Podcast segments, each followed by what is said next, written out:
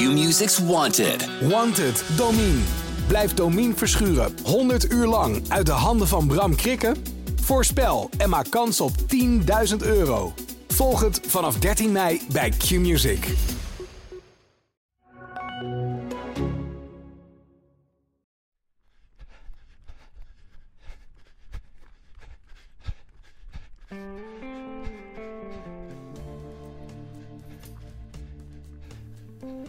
Laatste keer dat jullie ons hoorden, zat ik, Pim Bel, nog in, eh, in Peking tussen de Olympische muren. En eh, belde ik met Erik Brommert, eh, die gewoon thuis zat volgens mij.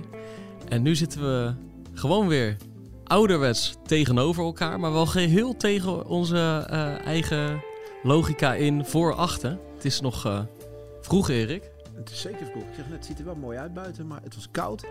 Ik had die handschoenen nog even aan. Ik zag jou aankomen lopen van... eh Ik was hem vergeten. handschoenen vergeten.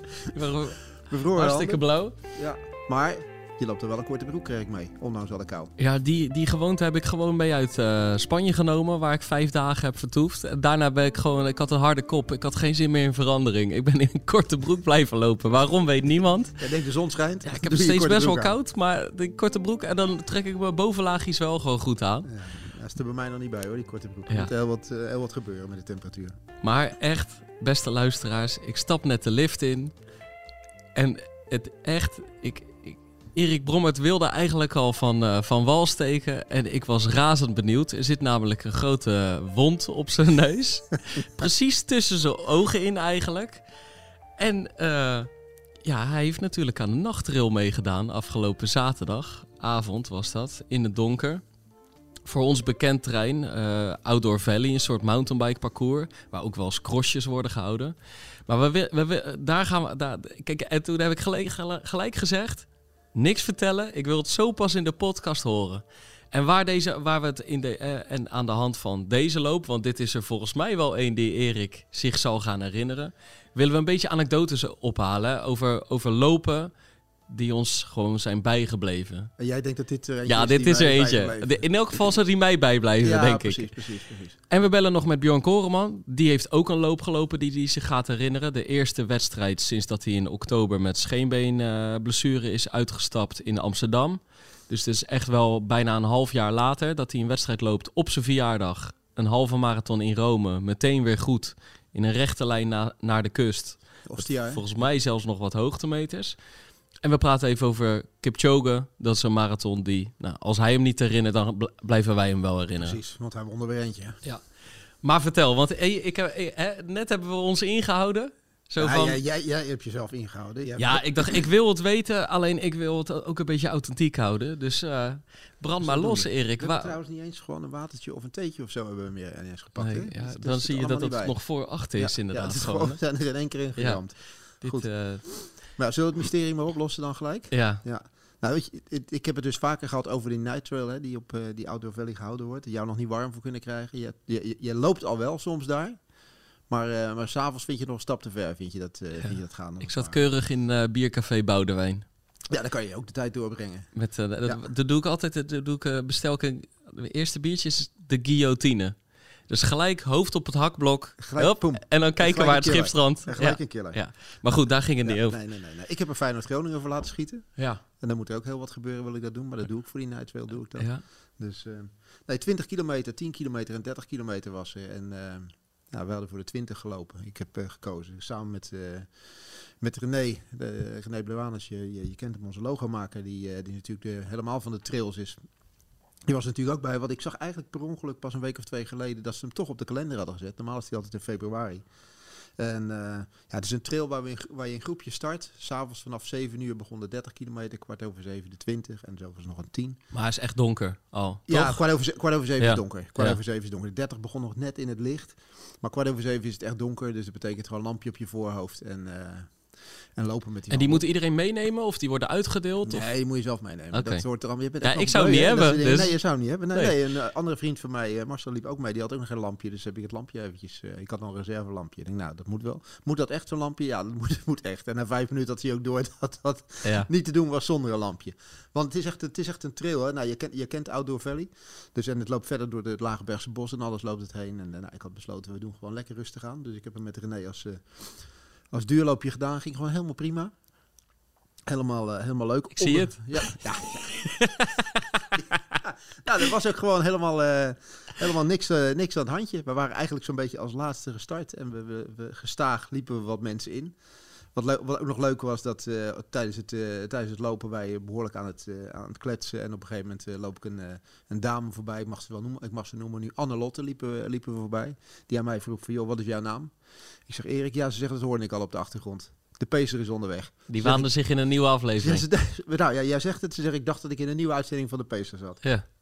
Dus eh, nou, daar hebben we eventjes mee opgelopen. En die, eh, die vroeg gelijk wanneer er weer opgenomen werd. Ik zei, nou, dinsdagochtend zijn we aan de beurt. Keurig. En eh, toen opperde ze nog even een onderwerpje trouwens. Ja. Waar wij het over moesten gaan hebben. Zij zei van, nou, ik zou eigenlijk wel willen dat jullie het eens een keer hebben, gaan, gaan hebben over schuurplekken tijdens het hardlopen bij vrouwen. Hey, maar di- dit is... eh dankjewel Annelotte voor Ja. deze eigenlijk geheugensteun. Ja. Want wij hebben een keer... toen, toen mijn moeder ineens op, op, een soort raar, hè, op een soort raar moment... ineens in een pashokje belandde met jouw vriendin... Ja, Toen klopt. hebben wij al een keer gedacht, we moeten gewoon een keer een vrouwenaflevering overnemen. Ja. Kijk, wij zijn gewoon twee mannen, Die soms ook last hebben van schuurplekken. Laat dat niet... eh, zeker. niet Maar, maar daar smeren we eh, potten voor leeg. en daar plakken we onze tepels Tepels voor af. Ja. Maar ja, verder weten Nee. wij... wij kijk, kijk, ik zou het heel graag... Ik ben, ik bedoel, ik ben er een groot fan van. Maar ik, ik heb geen borsten, weet nee, je wel? Nee, nee, nee, Dus- nee, nee, nee, maar ze was er ook heel duidelijk in. Ja, wij hebben daar ook last van. Het is echt een mannen-ding. En wij Ja. hebben er ook last van. Nou, Ja. weet je, dat soort dingen worden dus allemaal besproken Ja. in de night trail. Oh ja, ja, precies. Ja, maar dat ligt aan even- tijdstip, denk ik. Dat ligt aan het tijdstip. Ja, gewoon onderweg. Dus we hebben gewoon eventjes, even een tijdje samen opgelopen. Ja. Wat ideeën opgedaan voor de pacer. En eh, ja, op de een of andere manier moeten we er toch op terug. Ja, dan moeten we een keer, we moeten Ja. een keer gewoon de... Ja, Ja. zeker. Ja, we hebben jouw, mo- ja, we hebben jouw moeder al een keer en, en, en mijn vrouw al een keer gevraagd. Hè, van, moeten, die het, eh, moeten ze een keer in de uitzending nemen. Maar dat was toch een beetje terughoudend. Beetje terughoudendheid. Ja, die praten Ja, vrij, meer vrij uit zonder ik microfoons. dat, idee, dat idee heb ik ook een klein beetje. Ja, ja. Terwijl, ja, ik bedoel, eh, Nou, echt bleu zijn ze niet. nee, Toch? nee. Nee, vind ik Moet ook. wel lukken, ik ook. Ja, volgens mij moet het ook wel een keer lukken. Al is het maar gewoon Weet je, een wat, klein weet je wat? Ze- Ik weet niet zeker of ze... Ja, ze luisteren wel natuurlijk. Dat is het Nou, probleem. Als wij aangeven dat er geluisterd moet worden naar deze aflevering, dan eh, Ja, pakken ze het wel even op, toch? ja, ja. Nee, maar anders wilde ik een soort plannetje beramen... dat we er eerst twee, drie rozeetjes ingooien... en dat je het dan voorzichtig brengt. Zou, weet je wel? zou zeker kunnen, Ja. zeg maar. Dat we dan zeggen, we, we gaan nog een stapje verder en dat we dan in één Ja, keer... eh, ja. ja. Dat kan ook. Ja.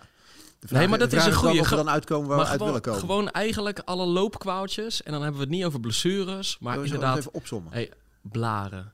eh, schuurplekken inderdaad. Nou, bebloede tepels. En Maar, ja, en al die vrouwelijke dingen, daar heb ik allemaal geen weet van, hè? Hardloopgerelateerde ongemakken. Hardloopgerelateerde denk dat ongemakken. goed, eh goed Volgens mij is dat super. Ja, Annelotte, wij gaan er... Hey, en je weet dat, je, ik bedoel, je kan nu je klok erop gelijk zetten. Over een maandje, dan is de marathon van Rotterdam. Nou, over schuurplekken gesproken. Ga daar vier, vijf uur langs het parcours staan. Ja. En hoe dieper in het veld, hoe meer bebloede tepels je Ja, zal te gaan Zeker, tegenkomen. zeker vooral op die witte singlet die, Ja. eh, die je ziet. Ja. Ja, ieder, jaar, eh, ieder jaar weer loop je er Je hebt, je hebt bij ons in de groep heb je er één. We zaten, ik weet nog steeds niet hoe je je oorlogswond hebt trouwens. Maar in de, ja, even- weet je, moet ons- het een beetje langzaam ja, opbouwen. bij ons in de groep heb je Randolph. En Randolph is een beetje een, eh, een dromer. Ja. En we hebben ook een keer, hebben, we- stonden we, zouden we op zondagochtend gaan trainen. En eh, wij spreken we altijd bij die parkeerplaats af. Voor de boothouse Kralingen. Ja, ja, ja. Daar, mooie, weet je wel, heb je veel ruimte op. Kun, kun je zo met 40, 50 man verzamelen. Alleen die dag, echt. eh, Het was een soort moesson. Gewoon, er hebben weinig mensen in Nederland ooit zo'n regenbui op hun kop gehad. Dus iedereen die daar aankwam rond de verzameltijd van 10 uur, die ging onder afdakjes staan Ja, en zo. Rond 10 uur, overal kwamen even mensen uit hun auto's vandaan eh, om te kijken eh, ja, of de anderen daar ook al waren. En toen bleek dat Randolph gewoon keurig lang, een kwartier lang op precies dezelfde afgesproken plek had Was gestaan, dat die weet je. zondagochtend dat niet koud was? Ja. Dat je gewoon in de korte broek en t-shirt kon lopen? Maar die loopt gewoon al zes marathons uit met bebloede tepels. Hoort erbij. Ja, hoort erbij. Ja, ja, ja. part of the job. Ja, part of the job. Ja. ja, dat kan ook. Iedereen heeft er last van. Iedereen doet het pijn aan de ogen. Nou, Maar- zo- zo- iedereen doet er wat. eh, Doet er wat eh, ja, nee, maar ik bedoel, eh, bij iedereen doet het pijn aan de ogen. Maar Rendolf voelt er niks van. Nee, Nee. nee, nee, nee, zo hoort het ook. Je moet het niet altijd moeilijk doen als Dus je een hebt ongemak diehards. oploopt. Ja, Ja, precies. precies. Maar ja, weet je, totdat ik aan het, in de, toen ik Annelotte tegenkwam, was er eigenlijk nog gewoon helemaal niks aan het, niks aan het handje. Wij zijn lekker, lekker doorgelopen, ging allemaal prima. Het was, het was bijna 20 kilometer, dus ik denk op kilometer 17 op een stukje waarvan ik dacht van, nou weet je, er is allemaal niet te veel meer te doen. Wel van die smalle paadjes, smalle zandpaadjes. René loopt net, eh, net achter mij. En voordat ik er erg in had, eh, tik ik denk ik een heel klein, eh, klein worteltje of zo tik ik aan met mijn linkervoet. Ja? Ja, ik tikte hem maar heel zachtjes aan. Maar de val die was best wel heel erg hard. Echt, ik knal echt letterlijk echt met mijn bek en mijn, mijn armen vooruit voorover. En echt, nou, voordat ik ergen had, raak ik echt, val ik echt plat op mijn gezicht. Ik dacht serieus dat al mijn tanden naar binnen sloegen en dat mijn neus gebroken was. Ja? Dat is het eerste wat ik dacht. Want ik stond op en het eerste wat ik tegen René zei, die schrok van, eh, ik zeg mijn tanden, mijn tanden en eh staat mijn neus nog recht. Ja. En ze gaan helemaal niks aan de hand, je bloedt alleen een beetje. Ja. En eh, nou, ik, ik heb me echt nog voelen en voelen en zo. Ik denk, dit is echt helemaal niet, niet goed. Maar ja, ik heb echt een, echt een briljante valbreker heb ik gehad. Want we hebben het net, net gehad over de lampjes die op je voorhoofd moest, eh, moest dragen. Ja. En ik heb natuurlijk zo'n eh, zo- zo'n dikke lamp had ik op mijn op mijn voorhoofd. En Ja. op de een of andere manier, ja, ik, ik klapte voorover. Normaal gesproken moet je ergens, je- eh, va- vang je je wel ergens op of wat dan ook. Maar nu echt totaal niet. Ik lag op de grond echt voordat ik er erg aan had. En misschien ook wel dat ik, als je wat harder doorloopt, til je benen misschien wat meer op. Nu dus helemaal niet. Ik maak die klapper en ik denk gewoon dat ik eerst dat lampje zeg maar de grond raakte. En dat dat mijn val brak en eh, die klapte knetterhard door op mijn neus. Dus ik had bloedneus en... eh nou, Ja? Bloedneus? Ja, bloedneusje had ik. Ja, het, zag er wel, het zag er wel spectaculair uit, zag je Ja. zeggen. Nee, in ieder geval. Zo. Ja. Het bloed liep er zo'n beetje langs en alles. En, eh, en dan weet het die, die snee boven, boven mijn neus. Maar ik denk dat dat lampje daar gewoon ingeknald is. Maar ik ga je vertellen, als dat lampje niet om had gehad, Ja. dan hadden we vandaag geen podcast gehad, denk ik. Nee. En dan had ik een Nee. beetje op een andere manier moeten spreken, volgens mij. Ja. Ik, ik, ik was er wel even van geschrokken. Maar weet ik zag alleen op, ik zag op de Strava dat het één kilometertje van zeven minuten was. Ja, dat... En daarna zaten we gewoon weer terug in de vijf en een half Ja? minuten. Dus, Ja, ja, ja, ja, ja. We hebben gewoon, eh, Hey, en en eh, gewoon doorgepakt. het- had je in zo'n flits dat het leven aan je voorbij trok? Nee, dat, nee, Nee? nee had ik, dat had ik net niet. Maar ik, moest, ik, ik schrok wel enorm. Ik, ik had daar één flits, ik lag op de grond. Ja. En ik dacht alleen maar tandarts en een gebroken neus. Dat dacht ik echt. Ik klapte echt. Normaal vang je jezelf wel eens op. Ja. Ik klapte echt zo hard op mijn bek.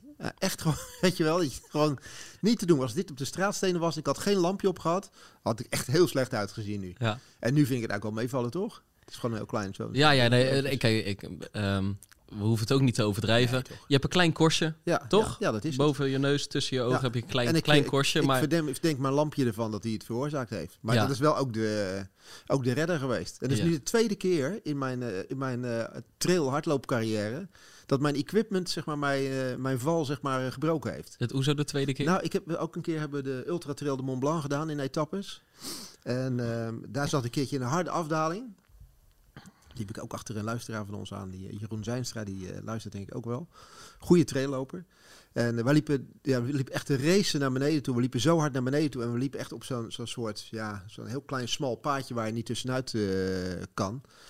En ik voelde op een gegeven moment dat ik het qua snelheid niet meer ging houden. Dat ik Ja, want je, het is gewoon zo'n soort sneeuwbaleffect. hè? Je Ja, gaat harder, harder, ja, harder. En op een gegeven moment kan je niet meer afremmen. Een enorm sneeuwbaleffect. Ik liep achter hem aan en ik, het enige wat ik riep, ik zeg, Jeroen, opzij, links, rechts, ik hou het niet meer, ik ga vallen.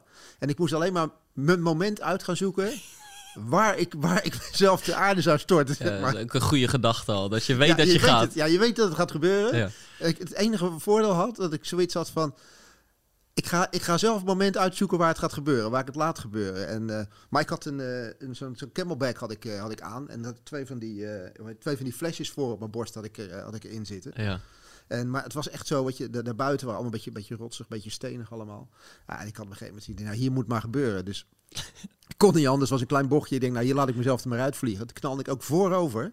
En echt op mijn borst. Ik denk, nou ik, ik kneus een beetje al mijn ribben maar val keurig op die flesjes. ja. Niks aan het handje. Dus nou, dat is de tweede keer gewoon met dat trailen, weet je, als je valt, je hebt ook nog wat aan je equipment. Ja. Dat, eh, Dus nou, zo eigenlijk een beetje. Na de rand keurig de finish bereikt eventjes. Begint had de 10 kilometer gelopen. En die eh, zag eventjes eh, aan mij van, joh, wat is, met jou, wat is met jou aan de hand? Maar, Ja, Nee, viel allemaal mee. tandarts niet nodig. Nee, nee, nee. nee. Wel Even een klein EHBO'tje laten kijken. Ja? Maakt zich ook niet druk om. Nee? Ze zegt een beetje vaseline op je neus, is het allemaal goed. Ja. Dus, Maar het, het is ook... hey, ik heb jou natuurlijk ook een keer zien vallen. Hebben we al een oh, keer verteld. Ja, ja.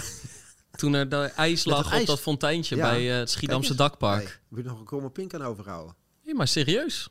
Ja, Die staat hartstikke ja, krom. die staat hartstikke krom. Weet je wat ik denk? Ja, Dat hij toch gebroken is geweest. ja, ja. En ja. dat hij niet goed aan elkaar gegroeid is. Kijk, komt niet meer goed. Kijk, oorlogswondje nummer twee. Maar ja, ik zie inderdaad... eh, Erik houdt nu twee handen vlak. Alleen één pink wil niet helemaal meedoen. Nee, die, eh, die kan niet meer mee. Oh ja, dan kan je hem wel buigen. Ja, ik kan hem wel buigen. Ja, ja. Maar ik denk dat En toen liepen we gewoon nog, eh, gaan we ook door de week. Eigenlijk, kijk, ik bedoel, je beschrijft nu twee keer een trail waar ook eh, het parcours uitdagend is of het tijdstip. Dit kan een keertje Maar dit was gewoon een loopje van niks. Alleen, ja, jij op een vroege koude morgen. op een vroege koude morgen en jij wil een stukje afsnijden wat we inderdaad wel eens afsnijden. Alleen daar ga je eigenlijk door een fontein heen. Ja, Ja. een fontein ligt wel eens water. Ja, En dat water was bevroren.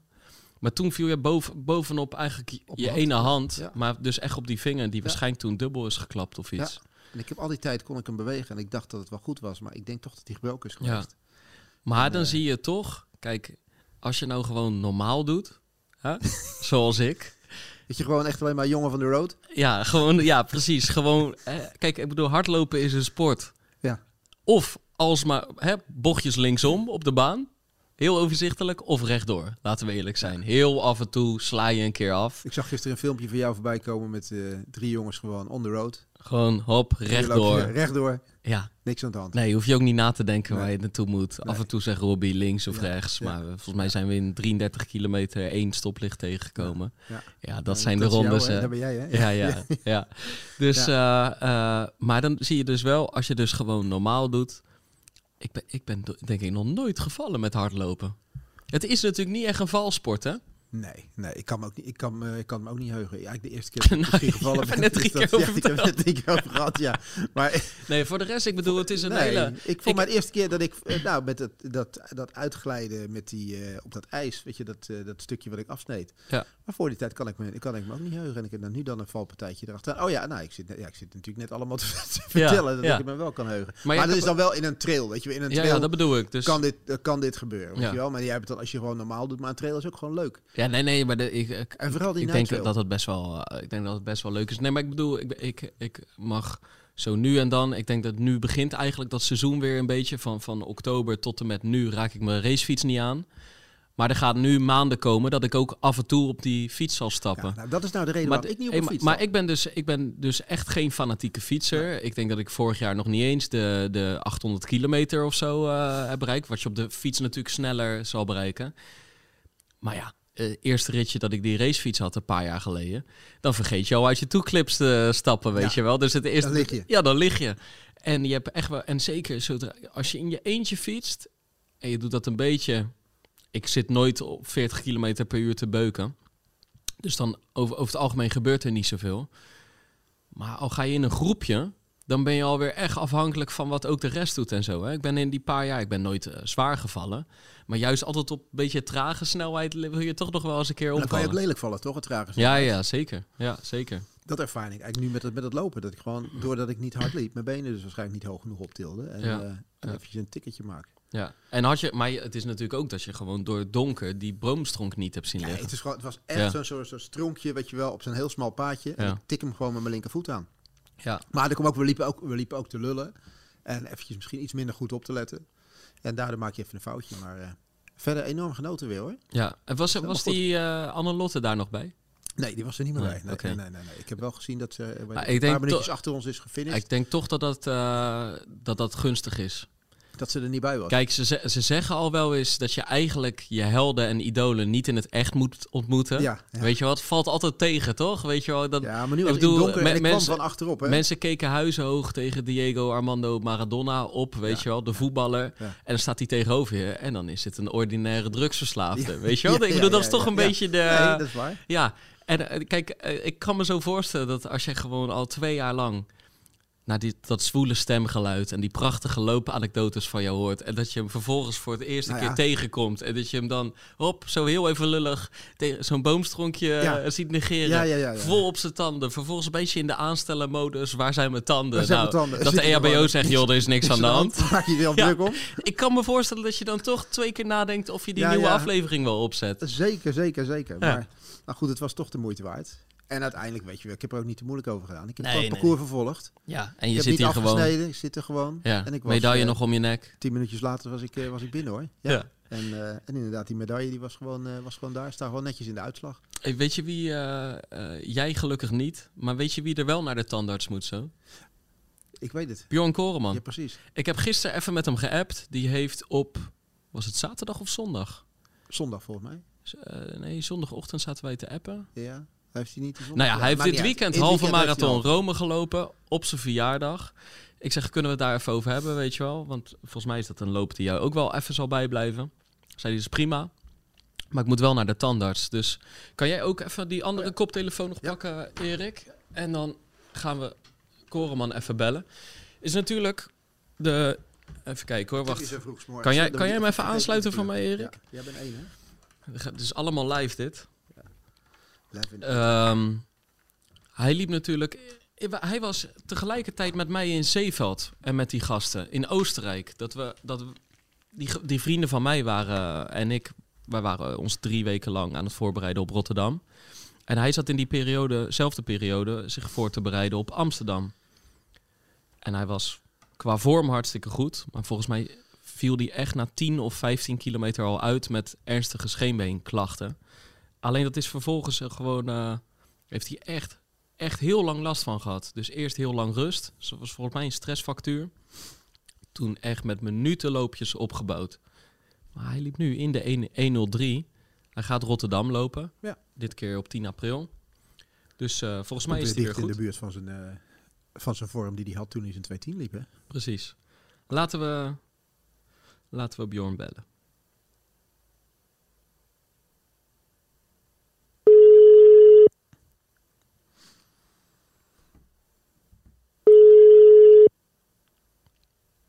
Hallo, met Björn. Hey Bjorn, Pim en Erik hier. Hoi. Hey, hey, goeiedag. Moeten we je feliciteren met, eh, met weer een jaartje ouder worden of met gewoon weer een heel mooie halve marathon? Eh, nou, mag beide hoor, mag beide. Doe dat? Het was op dezelfde ja, dag, hè? Nee, dankjewel.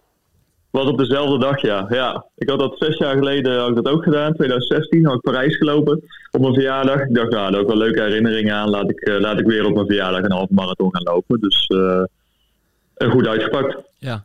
Hey, ik zag op, ehm, eh, op Strava eigenlijk het parcours. Ja, ik, Ja. ik denk niet dat er een bocht in heeft gezeten, Bjorn, of wel? Nee, er zaten we hadden wel eerst een rondje van 4 kilometer. En daarna was het gewoon eh één, één althans rechte weg. Maar wel met eh, behoorlijk wat heuvels. Dus, eh, maar op zich eh, was het een prima parcours voor de Alpha Fly. Dus eh, zo min mogelijk bochten en alsmaar recht doorlopen. Ja, dus dat was een lekker.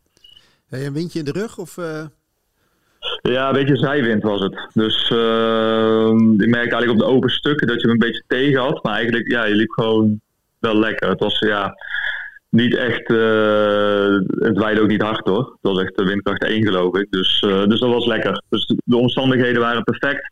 Alleen de heuvels, ik heb echt zoveel spierpijn nu nog. Dus uh, het was wel, dat was wel killing. Maar verder was het wel gewoon een mooi parcours om lekker hard te lopen. Ja. Wat, wat voel je allemaal nu? Want we zijn, even kijken, we zijn al twee dagen verder hè? Of drie zelfs. Ja, vooral, vooral mijn bovenbenen. Dus het, mijn lichaam voelt een beetje alsof ik een marathon heb gelopen eigenlijk. En dat is, uh, en op zich is dat ook wel verklaarbaar als je eigenlijk mijn voorbereiding ziet natuurlijk. Uh, een tijd eruit gelegen naar Amsterdam, een week of zeven niet gelopen. En daarna heel gestaag opgebouwd. Dus op zich is het wel verklaarbaar. Ik heb nog niet echt grote weken gedraaid. Althans eentje van 130, eentje van 140 in Zuid-Afrika. En vanuit daar zeg maar die halve marathon. Dus mijn lichaam is gewoon nog niet gewend om, uh, om die klappen op te vangen. Maar op zich richting de Rotterdam marathon is wel lekker om die prikkel even gehad te hebben. Hoe was dat Björn? Zeven weken niet lopen? Dat kent jouw lijf eigenlijk helemaal niet hè?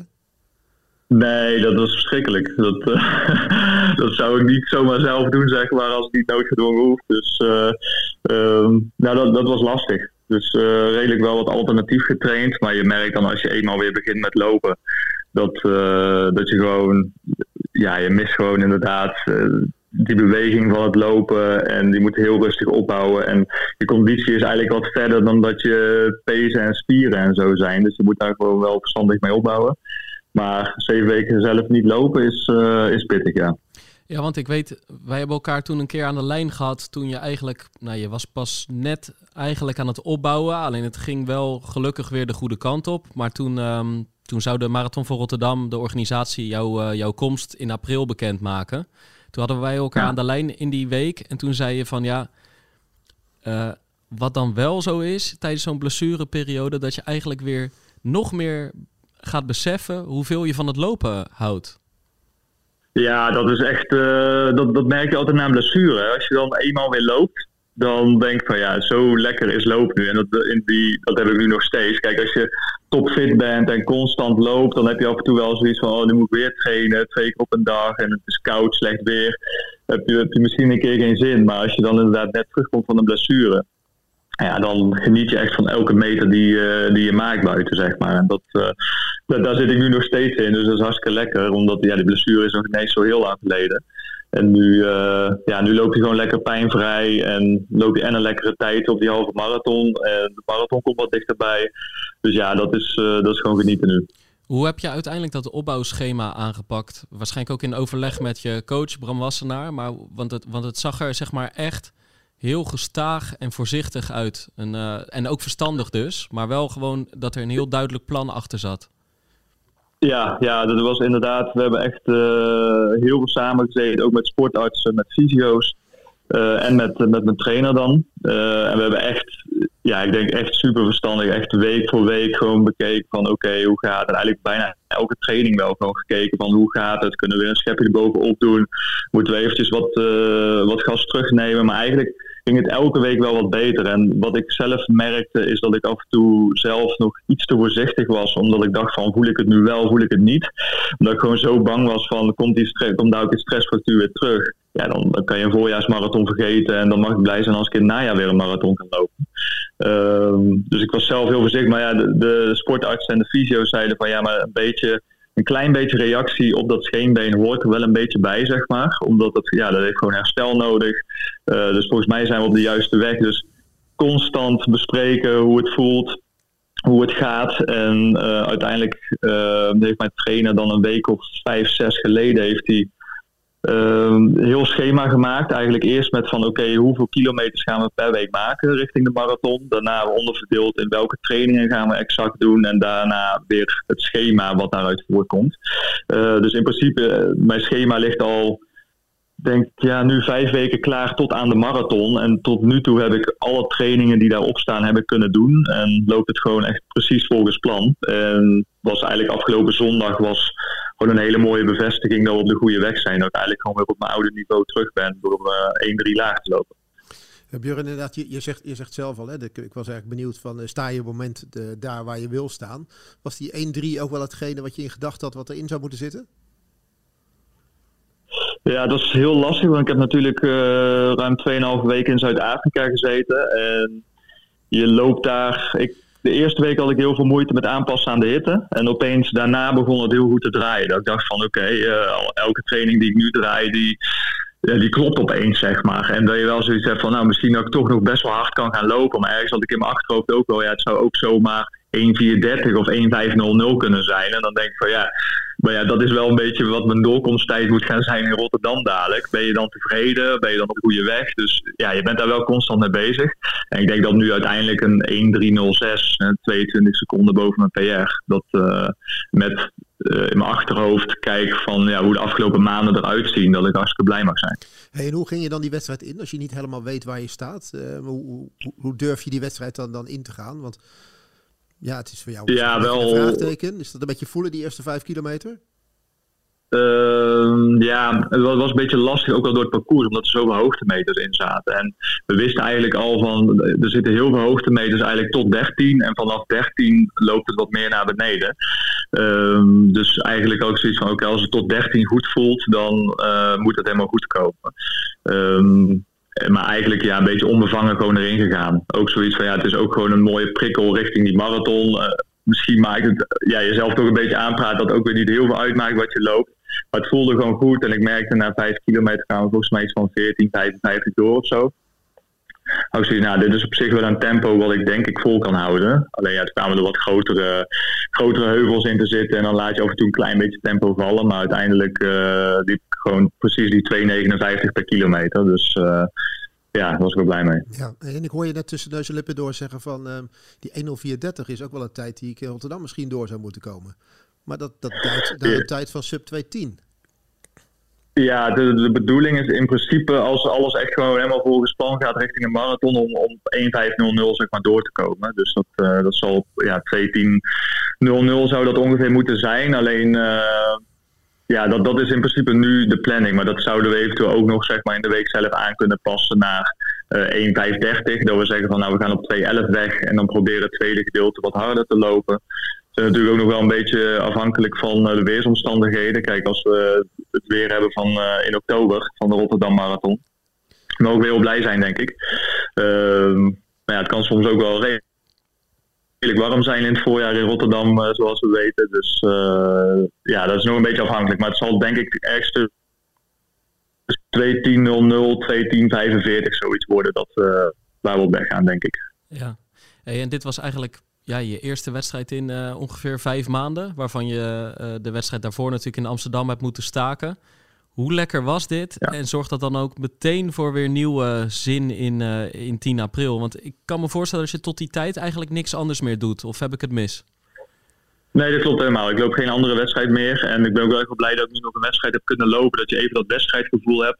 Uh, even die spanning voor een wedstrijd, zeg maar. Dat, uh, dat heb ik wel echt gemist. Dat je even ja, gewoon heel, heel dat wedstrijdgevoel, de avond van tevoren, de, de, pasta eten in het hotel en uh, gewoon echt een beetje die wedstrijdspanning voelt. En ik denk, als ik nu, uh, als je bijvoorbeeld een Elliot uh, Kipchoge kijkt, dat je maar twee marathons per jaar loopt.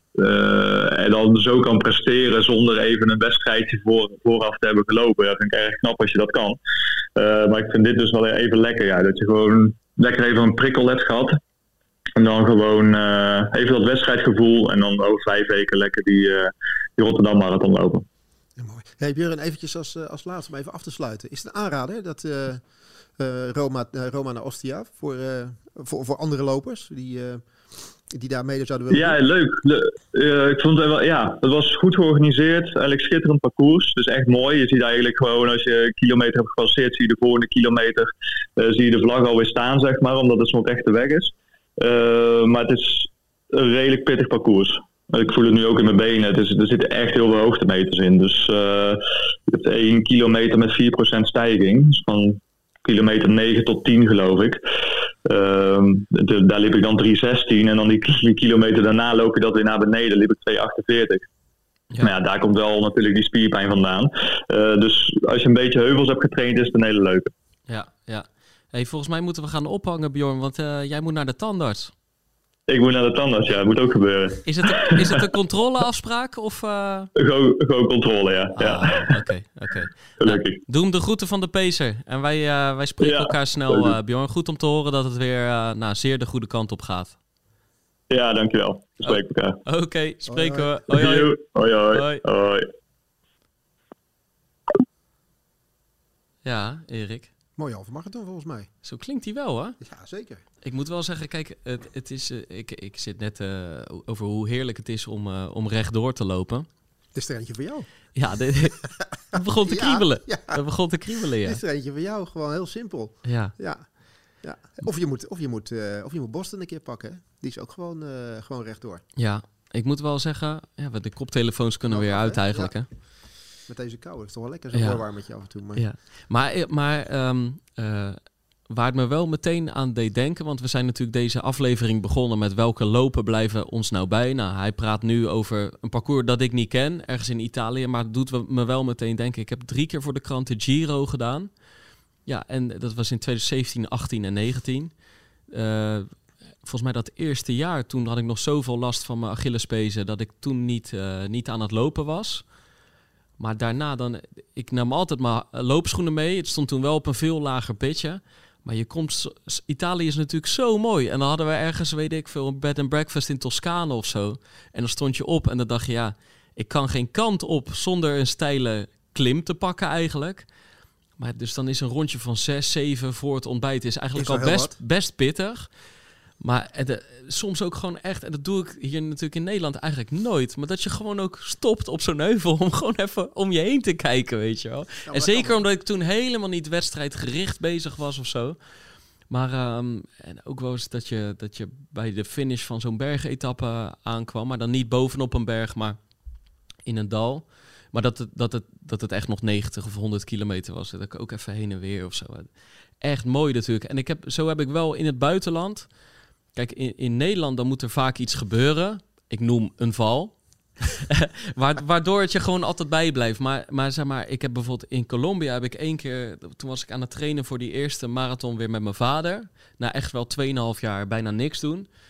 En toen dacht ik, ja, ik moet hier toch in Colombia nog een duurloop doen. Maar we waren toen in Medellin. En Medellin is Niet echt gewoon... een lekkere uitvalsbasis voor een duurloopje, toch? Nee, Colombia is echt een prachtig land. Maar dit is een grote stad. Ik ken het alleen maar van eh, Narcos. En dat Ja, ja, ja, nee, ja. Nee, maar het is ook een zeer gezellige stad. En niet alleen vanwege het bruisende nachtleven. Het is echt fantastisch. Maar in een soort vallei, veel wind, eh, redelijk glooiend ook. Eh, en gewoon druk. Veel verkeer. En ik kende daar ook niet de route. Geen Maar toen heb ik de, zo? toen heb ik de Uber... Nee, daar niet. Toen heb ik de Uber naar, naar de botanische tuin gepakt. En toen ben ik gewoon een rondje van 1,4 kilometer gewoon... Nou ja, net zo lang gaan lopen totdat ik 26 of 28 kilometer had gelopen. Tussen de leguanen en tussen de mensen die een beetje foto's van de Transiveria's en de Hortensia's aan het maken waren. en op een gegeven moment beginnen die ook door te krijgen van wat is die gozer aan het doen, weet je wel. Die heb ik, die heb ik inmiddels al vijf keer gezien. En ik heb wel nog steeds het segmentje daar, het kroontje. Ja, dat zal best. Loop, komt, ja, komt verder niemand aan natuurlijk. Nee. En, eh, en zo weet ik ook eentje, die was echt mooi. In Florida, daar was ik toen voor de... Ook voor mijn werk. Wat was het? Eh, De, de IndyCar. Dat is een soort eh, Amerikaanse versie van Ja, de Formule ja. 1. eh, eh, die hebben natuurlijk op elke sport hebben ze een Amerikaanse Het is sport. niet echt een sport waar je heel veel interesse in bent blijven tonen. hè, Nee, zo te 0,0. horen. Nee, nee. IndyCar is best wel, namelijk, best wel bekend volgens mij. Ja, ja, ja. ja, ja, ja, ja. Je hebt, want ik ben toen datzelfde jaar... ben ik naar de honderdste editie van de... Indianapolis. Ja, Ben gewoon geweest en het is je amper bijgebleven. Nou nee, die is me zeker bijgebleven. Want ehm, kijk, ik ben gewoon geen autofan. Nee, dat mag ik- duidelijk zijn. Ik heb negen of tien jaar geleden een auto gekocht. Tegen een paar vrienden vertelde dat het een Kia Rio was. En toen zagen ze me een keer aanrijden. En toen zeiden ze, met, heb je de auto geleend? Ik zeg, nee, dit is mijn auto. Je had toch een Kia Rio? Ja, ja, Kia Rio. Dus zeiden ze, nou, dit is een Fiat Panda. Ja. Dus toen reed ik al twee jaar rond in wat ik dacht dat een Kia Rio was. Wat bleek nou? Mijn ouders hebben een Kia Rio. Dus dat, die Nee. naam was blijven hangen. Nee, maar Die zoveel... heb ik ook wel een keer met jou gehad. Ja. Dat je zes keer met mij meegereden bent en zeggen, wat, wat voor auto is dit eigenlijk? Dus ja, Terwijl jij helemaal leren bruine bekleding hebt. En eh, helemaal opgepimpt. alles uit de kast gehaald. En zes keer, wat voor auto rijden we hier eigenlijk? Weet je, Hey, het en ik weet het nou nog niet. Nee, nee, maakt ook verder niet uit. Maar hetzelfde als dat jij ook niet eh, de, zeg maar, de prestaties van eh VK van Kalmthout, die eh zeggen je ook niet zo Nee, die gaan echt langs mee. Maar Ja, nou ja, dan weet ik dat hij in de IndyCar rijdt. wel- ja, precies. Ja, ja. maar ik ben toen naar de honderdste edie- Oh ja, dus eerst in Florida. Oh, daar ging het Ja, eigenlijk. daar om. liep ik eigenlijk voor, een rondje zo over een soort meer. Want ik moest, ik zat met een hotel aan de snelweg. Toen ben ik met gevaar voor eigen leven die snelweg overgestoken. Want daar zag ik een soort parkje liggen. Terwijl ik geen brug of zo zag om daar naartoe te gaan. Dus ik bij dat parkje had je een soort houten vlonder die over, zo'n, dat, over dat meer getrokken was. Een rondje van 3,6 kilometer. Maar aan weerszijden zag je gewoon de alligators in dat meer liggen. Ja, dat is wel... Dat is toch mooi? Ja, daar heb ik een rondje van. Daar heb ik eigenlijk drie dagen lang gewoon steeds 12 Beetje kilometer gelopen. alligators Door, en Tussen die, de keken iedere alligators. dag zo van, dan komt hij weer. Ja, maar dat is Maar echt. kunnen er niks Dat is natuurlijk echt tof, gewoon wel, weet je Mooi, wel. is heel tof. Zeker. Want het lag gelukkig ook net, net zo hoog dat je wel het vertrouwen hebt dat, ze- dat ze niet even bij je komen, Nee, weet nee, je nee, wel. nee. Ja, dat was echt goed. En toen, maar toen inderdaad twee maanden later was ik bij die honderdste editie. Ja, de, de Indy 500 De Indy vijf- heet ja, het, want ze hebben- moeten we hebben hem al drie 500 keer over die ovale trek. Ja, ja. Ja, en de winnaar die wordt overgoten met een pak melk. Dat is ook traditie. Staat bol van de Mooi, dat wist tradities. ik dan weer niet, maar ik wist wel dat het En- levensgevaarlijk is. En, heel En ik was is. daar voor de krant op een soort uitnodiging. En ehm, ja, hoe liep dat nou? Oh ja, dus in elk geval. Er waren allemaal journalisten uit Europa om bij die honderdste editie aanwezig te zijn. Maar dat waren natuurlijk allemaal autofreaks vanaf vier jaar. Die hadden vroeger autobehang aan hun kamers. En die hebben die, die ge- gedroomd altijd over welke auto's het liefst zouden mogen rijden. En die hadden daar idolen rondlopen. En je had daar een soort, ook al voor het publiek. En dan komen daar echt in een paar dagen meer dan 100.000 man kijken naar die auto's. Op, op één jonge, onbevangen aspirant-journalist die Nou. daar voor het eerst zich naartoe ging. Ja, ja, ja. Die ging af en toe zo- zo- zonnen en eh, ja. En eh, eh, nou ja, in elk geval. Ehm, er stond een enorme rij. Want je mocht daar namelijk eh, één rondje meerijden met een ervaren coureur. En, en echt urenlange rij. Alleen eh, wij, die journalisten daar, die hadden een beetje ja, bofkonten, weet je wel. Je hoefde maar je vinger op te steken en één minuut later zat je in zo'n nou, of IndyCar wagen. En eh, nou, iedereen had dat natuurlijk gewoon op de eerste dag al gedaan. De Duitser, de Spanjaard, de Italiaan, de Braziliaan. Iedereen helemaal. En die kwamen helemaal met zo'n erectie uit die auto, Ja, weet je wel. Die jij. hadden de tijd van hun leven gehad. En die zeiden, wil jij ook? En ik zei, nou, van mijn levensdagen niet. Bekijk het maar. Geen zin in, durf ik niet. Niet gedaan. Eh, en eh, sociale druk is me wat dat betreft ook vreemd. Dus, maar toen was ik daar op dag vier of vijf. En toen zag ik nogmaals die urenlange rij. En toen dacht ik wel, ja, hier staan mensen uren voor in de rij. en jij loopt daar een beetje. En eh, ja, dus ik moet dat gewoon maar doen, geloof ik. Dus ik dat tegen die gasten gezegd van ik ga het geloof ik toch doen. Dus nou, dat wilden ze wel, wel zien, omdat ik dagen daarvoor een beetje had lopen schelden over al die auto's. En, al had verteld over mijn hoogtevrees en dat ik snelheid niks vind, et cetera. En, maar het was een beetje op zo'n onbewaakt ogenblik dat je even vergeet hoe, hoe eng je het eigenlijk vindt. Dus op dat moment sta ik eigenlijk... eh, op het moment dat ik had aangegeven van ik ga het toch doen, kreeg ik een paar velletjes eh, voor mijn neus geschoven. Eigenlijk zo'n soort, eh, ja, hoe noem je dat? Eigen risicovelletje. Juist. Tenminste, Ja, ja, ik wil je, of je even wilde tekenen bij het kruisje. Lange tekst, maar eigenlijk stond er in heel veel kleine lettertjes van als je een fysiek of psychisch trauma daaraan overhoudt, dan zijn wij niet, van, niet bij ons aan zijn, we, ja, zijn wij niet verantwoordelijk. nou, daar mijn handtekening onder gezet, datum, eh, weet je wel. En eh hop, signatuurtje eronder. En vervolgens krijg je zo'n heel brandpak aan, hè? Dus Ja. hey, de, ik kreeg al een beetje, weet je wel, gedachten van, moet ik dit, was dit nou wel zo handig dat ik net toch mijn vinger heb Toch, we overgestoken? onder die sociale druk. Ja, ja, nee, ja, maar het was wel echt mijn eigen beslissing. Want de, de rest was er inmiddels al over opgehouden. Dus ik in dat brandpak. En eh, nou, dan wezen ze de, de coureur aan bij wie ik mocht aansluiten. En echt, ik zag bij al die gasten de mond openvallen. Ja, ik zat die man aan te kijken. Ik denk, ik weet niet wie het is. Ja, een oud-winnaar. ja, Ja, Mario. Ik denk, nou, oké. Mario Andretti. Ja, nou, jij weet het dus ook. Ja. Ja. Dus Mario, ik denk, nou, hallo Mario. Was een Italiaan. Grijze, grijze krullen. Dat was echt zo'n grootheid, man. Ik ken Mario, Ja, ja. Andre- eventjes, ik ken Mario Andretti alleen al, omdat hij vroeger in een Formule 1 auto reed met de John Player Special erop. Ken je John Player Special? Kijk ook niet. Sigarettenmerk was dat. Oké, ja. Dat was echt een zwarte auto Ja. met gouden letters erop John Player Special. En daar reed Mario Andretti in. Ja. Ja, dat was gewoon echt een enorme held. Ja, dat, dat, Heb jij gewoon naast in de auto gezeten? nou ja, dus, dus, maar dat wist ik toen nog niet. Dus ik stap bij op zich een hele vriendelijke oude Italiaan in. Dus ik denk, nou, die, die zal, weet je wel, die zal vast wat minder gas geven dan die jongere gasten die ik daar zag. hey, en ik stap daarin en je moet je voorstellen, dus je stapt eigenlijk achter hem in. Het was zo'n tweezits eh Ja, ja. ding. Oh, je Maar zat niet naast hem. Nee, nee, achter hem. Ja. Maar, en dan krijg je nog zo'n nekbrace en een helm. En je, eigenlijk wordt je borstkas ook vastgezet met een soort, ja, een soort eh, gordel 3.0. is eigenlijk gewoon helemaal ingeklemd. Eh, en je zit zo laag bij de grond. Hey, en hij geeft gas. Hey, en al na twee seconden denk ik, dit gaat hard. Het ging zo godvergeten hard. Hey, en ik was gewoon... Ik heb nog nooit in mijn leven de, de tijd zo traag zien wegtikken. De angst schiet nog uit je ogen. Ja, dus hey, je moet hem zien zitten. Hier. en het is echt, het ging, en ook alleen maar, ik dacht, ademhalen, ademhalen. Hey, op een gegeven moment heb ik mijn ogen dicht gedaan, maar toen begon het me helemaal te tollen. Hey, en dan komen gewoon in die bochten komen er G-krachten los. Dat kleine nekje weer jou. Ja, eh, het is, het, het is extreem. Het is echt extreem. Da- dan begrijp je dat je ook nooit een dikke Formule 1-coureur ziet. Nee. Want het is gewoon echt, die hebben hè, nek, die hebben dikke nekken nek, als ja, stieren ja, ja, en ja. borstkas, eh, eh, sixpack. Omdat het, er komen best wat krachten vrij en los in die auto, weet je wel. Dus, maar ik was, alle, ik was echt, terwijl ik natuurlijk niks hoefde te doen. Ik zat daar gewoon, ik was aan het overleven. Omdat het me eigenlijk mentaal gezien de pet te boven ging. Wat daar allemaal gebeurde. En af en toe zie je die, ook die muur naderen. Omdat hij gewoon, hij pakt hem in de binnenbocht. Maar je komt hem wijd uit, soms. Nou, echt. Ik was aan het sterven, jongen. En, Hoeveel rondjes heb je gedaan? Nou, één. Dat vond ik ook wel... Dat is een mijl of zo Hey, meestal, ik- toch? Ja, ik denk echt... Misschien heb ik maar twee minuten in die auto gezeten... maar het waren de langste twee minuten uit mijn leven. Ik heb nog nooit zoiets engs gedaan. En wij stappen uit. En ik wil eigenlijk natuurlijk... Ja, ik, kon, ik wil eigenlijk Mario gaan uitschelden... of die niet even wat rustiger had kunnen doen. Het zat me even heel hoog. En ik zie allemaal mensen op hem af. Mario Andretti en dit en dat. Wist ik nog steeds niet wie het was.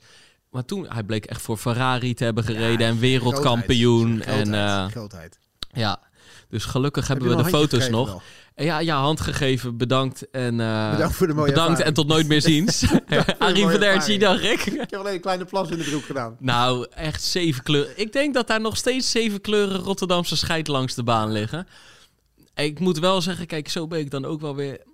Toen heb ik wel echt besloten van, kijk, oké... dat had ik daarvoor al. Maar gewoon, ik ga nooit gewoon meer iets spannends doen. Ik ga niet bungee jumpen, ik ga niet abseilen, ik ga niet... Het is gewoon niet voor mij weggelegd. Want ik haal er dus ook geen kick uit, hè. Nou, ik haal er alleen een kick uit om nu zeven jaar later de anekdote op te halen. Maar daar heb ik het toch echt niet voor over. Ik heb eh. zo'n snelheidservaring een keer met doodsangst een keertje ervaren op weg naar een wedstrijdje toe. Ook nooit meer. Wat? Nou, ik, ik heb ooit, eh, ik denk, ik was, nou, ik was denk ik pas een jaar of 18 of zo. Ja. En toen had ik een, eh, een vriend van mij die reed motor. Was, iets, was, hij was iets ouder, maar reed motor. En er, er was een, eh, op volgens mij Koninginnedag, was er een loopje in, eh, in, Le- ja, in Leerdam was het. En toen zei, dan gaan we lopen en dan, dan gaan we lekker op de motor. En ik zei, ja, we moeten dat op een motor, weet je wel. En niks van mij. Ja joh, is geen probleem, hartstikke leuk man. Lekker met mijn motor mee, dit en dat. Dus nou, hij zegt, is goed. Dus wij, ik bij hem achter op die motor, nooit op een motor gezeten. En eh, ja, ik, eh, ik denk, nou, ik hou me zo een beetje zo aan de achterkant zo, weet je, kan me wel een Ja. beetje vasthouden. En we rijden tussen Rotterdam en Gorkum in, zo dat stukje. En ik vond het al helemaal niet. Ik vond, ik vond 100 km per uur altijd hard. En hij geeft gas daar, jongen. En ik, Jezus Christus. Op weg naar een wedstrijd, weet je, ik denk, ik wilde gewoon even lekker goed lopen. Ja. Ik dacht zes keer dat ik er afflikkerde. Ja. En ik durfde hem niet te... Ik had mijn handen alleen maar vast. Ik denk, ik flikker eraf. Ik vind het helemaal niks dit. Ja. Ik durf hem ook niet aan te tikken of weet ik veel wat. Van het moet stoppen, het moet langzaam of weet ik veel wat. Echt serieus doodsangst. Ja, gewoon de Ik overlevingsstand. Die reed gewoon 120 kilometer in het uur. Ja. Hij zat zo op zijn gemakje lekker en ik zat... Ja, ik, schaam, ik bukte niet mee of weet ik van wat. Nou, ik was er. Ik heb echt zo'n waardeloze wedstrijd gelopen. Echt, ik zei, ja, Rob, ik zeg, doe dit nooit meer. Je gaat of gewoon met 80 terugrijden of dit of dat. En ik zeg, maar hij zegt, je zit achterop man, je hebt nergens gelast van. Nou, ik vond helemaal niks. ja. Echt helemaal niks. Ik, ik ben één keer zo teruggereden. Ik zeg, rustig terugrijden. Ik stap nooit meer op een motor. Ik doe het nou één keer per jaar, doe ik het op de marathon. Ja, ik wilde Dan net zeggen. Dan, Ja, gaat niet harder dan 30 kilometer in het uur. ja dat, zo, ik wil, dat ik een beetje mee moet zo wil je de alles. motor hebben. Maar dat is het. Ja. Ah, ik vind echt... eh, Ja. dus ik snap hem wel een klein beetje. Als jij dan bij Mario Andretti in de auto gezeten hebt. Ja, is natuurlijk dat- iets anders dan achter op de motor met 120 in het uur. Slaat helemaal nergens op. Ja, ja. Maar dan ga je wel 300 in het uur door het, eh, door het kombochtje heen, denk ik. ja, ik heb het niet nagevraagd, maar echt zoiets. Echt, het was, ja, er kwamen G-krachten los. Dus dat is gewoon, dit is gewoon eh, eens, eens, maar echt never, never, nooit meer. Nee, maar gewoon wel, denk je, wel bij Mario Andretti auto. Nou ja, zo is het. Ja. Toch? Dus ook wel blij dat die gasten dat nog verteld hebben. Maar Kan toch- maar gebeuren. Ja, Het was echt, eh, dat John Play Special was zo, zo, zo groot. Zo, een, een vriend van mij, die bij mij in Capelle in de Beemsterhoek woonde. En dat was een van mijn, eh, was een van mijn, eh, mijn jeugdhelden. Want die, eh, die, wij voetballen altijd, die, die, die liep altijd, altijd in het mooiste, nieuwste Adidas tenuutje. En dat nog een andere vriend, die had ook dat tenuutje aan. Die speelde met z'n tweeën altijd samen. geswanjeerd. Geswanjeerd helemaal. En die, die reed op een Yamaha brommer, want het was toen een brommers die hij had. En die had hij helemaal John Player Special laten spuiten. Dus zwart met John Player Special logo erop. Echt helemaal jaloers. Ja, nooit bij in de buurt kunnen komen. Ik reed op zo'n heel klein fietsje met zo'n eh, Ja. zo'n hoog stuur. Ja, nee, dat vond ik al mooi. het dichtste En jij hij, er, hij, de John Player Special, de Yamaha. Ja, eh, het dichtste wat jij daarbij in de buurt bent gekomen is met je achternaam. ja, Ja, ja maar daar hebben ze een thee achter geplakt. Dus Ja, dat schiet ook ja. niet op. Dus eh, ik heb ook nooit een brommer gereden wat dat betreft. Nee. Ik kreeg mijn 16e gewoon een racefiets. Ja. Dat wilde ik voor mijn verjaardag. Vond ik toch leuk Ja, eigenlijk. tuurlijk. Wij zijn vond, duursporters. vond ik mooi. ja. Maar ergens is het ook een gemiste kans. Ja, ja, ja. Toch? Vond ik ook wel mooi. Ja. Ja. Ja. Ja, ja, nou ja, ik weet niet of het een gemiste kans is. Dat, eh, het is niet anders. Maar weet je, over, ja, je- over, ehm, over bijzondere loopjes gesproken. Jij zei dat je in Florida gelopen had. Ik heb in Florida ook nog eens een keer een mooie gelopen. In die tijd was ik daar met, eh, met Wilma van Onna, mijn toenmalige partner. Ja, ook nog een keer te gast geweest. Te gast in de, te gast in de Pacer. Ja. En, eh, en jarenlang profatleet natuurlijk in, eh, in Amerika. En die, die had dan eh, weer zo'n eh, zo'n toertje van, eh, van een wedstrijdje of vier en vijf weken tijd. En dan gingen we daar naartoe. En dan hadden we verschillende wedstrijden. Toen liepen een tien Engelse mijl in St. Petersburg in Florida. Ja. Hey, nee, hey, daar zat ik toen. Oh, nou, Ja, nou ja, kijk, zo, zo kan het, zo kan Ja. het gebeuren. Ja, ik kon nou, net niet op de naam komen, maar Ja. ik zat in St. Petersburg. Ja, St. Pete's. Ja. St. Pete's Beach. Prachtige plek. Wij- Wij trainden ook wel vaak in, in Clearwater in dat gebied. Kon je mooi, mooi, mooi trainen. Maar wij liepen daar aan 10 Engelse mijl. En ik, enige wat, het was een van mijn, ja, het was eigenlijk mijn eerste wedstrijd volgens mij die ik in Amerika liep. En daar hebben wij gelopen echt van het begin af aan in de stromende regen gewoon. Maar je weet, als het daar kan regenen, dan is het niet eh, Dan gaat het zoals goed. hier. Dan gaat Ja. het echt goed. Weet je, Ja. dan ligt echt gewoon lage water. Daar begon het, start 's morgens om 8 uur, daar begon het te regenen. En het heeft tot aan de finish gewoon niet meer opgehouden. Ik heb het idee dat ik echt continu, zeg maar, door een enorme stortvloed aan water heb gelopen. En wat ik het mooie vond aan die wedstrijd, is dat ik... Ik ben altijd gewend, als je, of was altijd gewend, we liepen natuurlijk veel wedstrijden.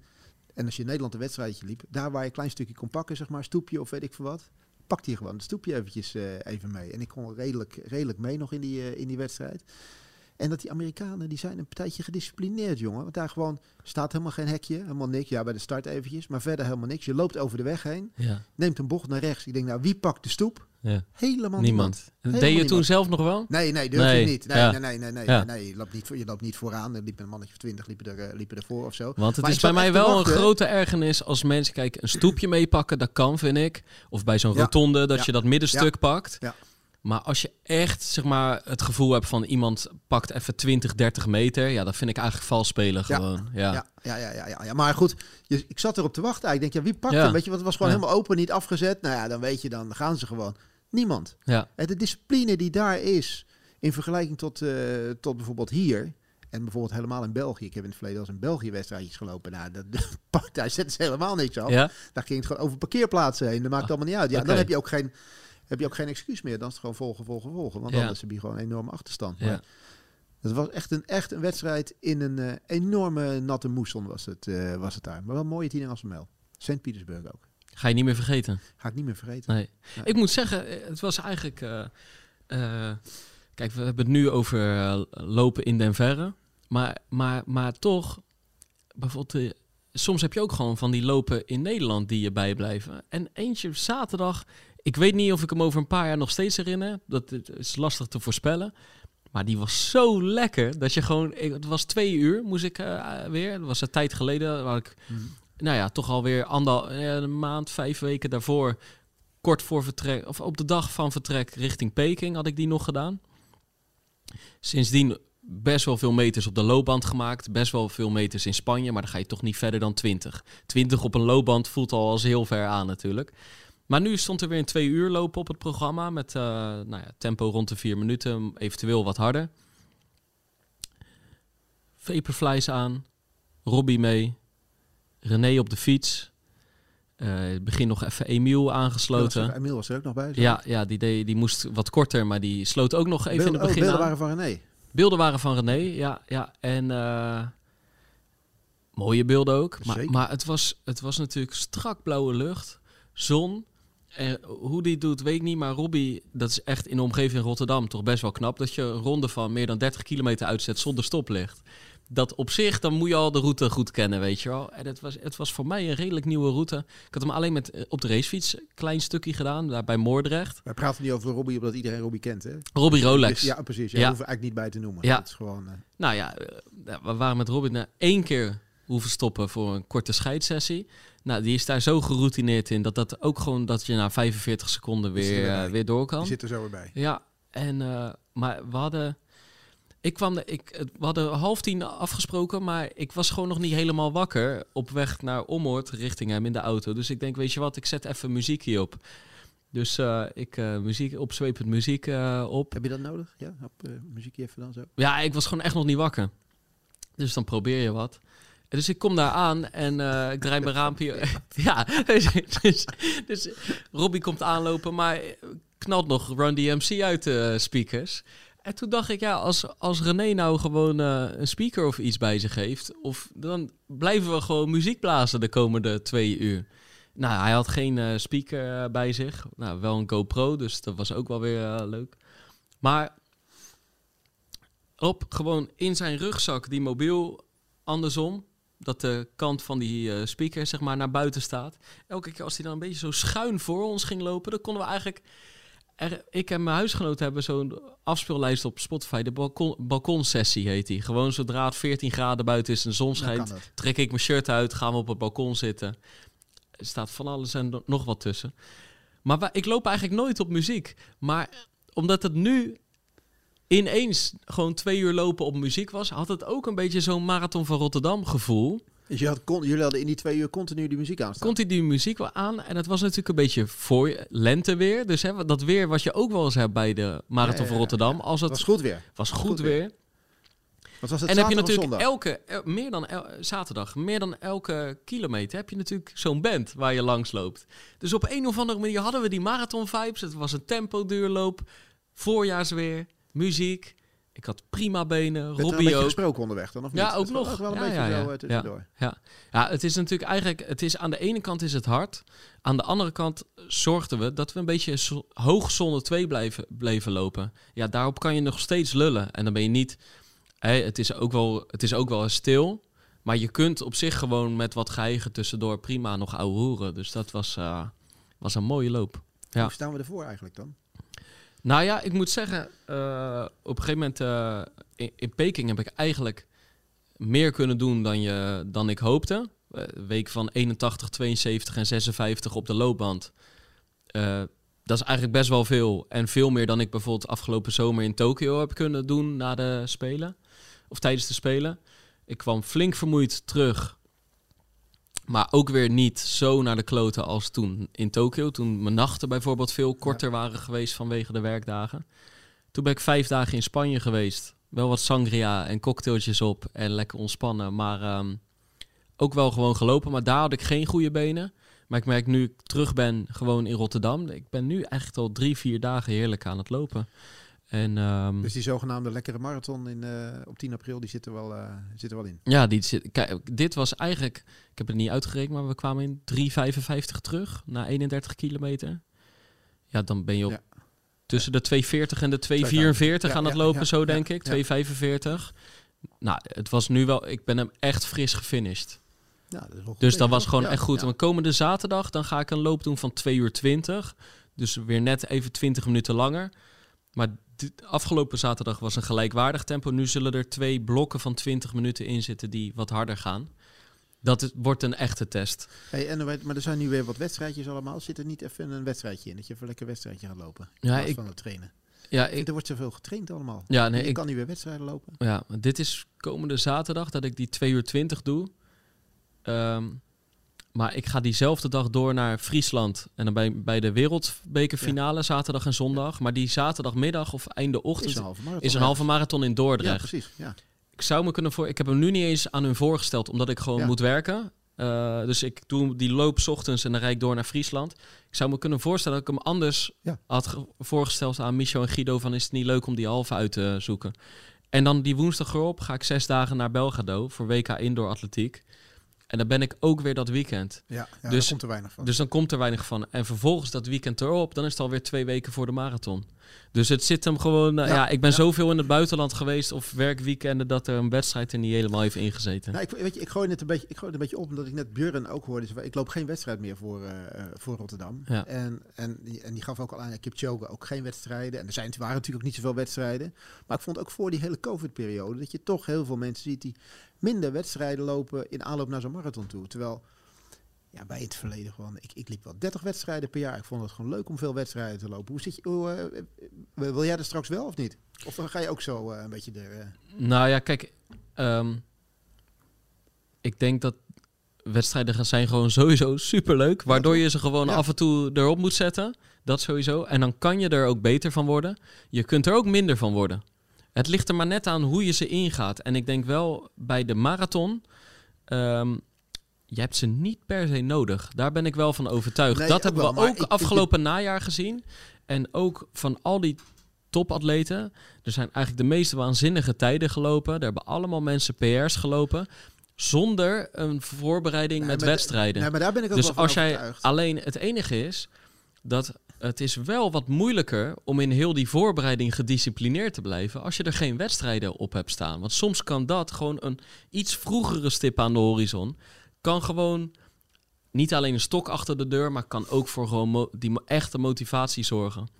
Nee, maar ook of, maar los het feit of het goed is voor die marathon of niet goed is voor die marathon. Het is ook gewoon je.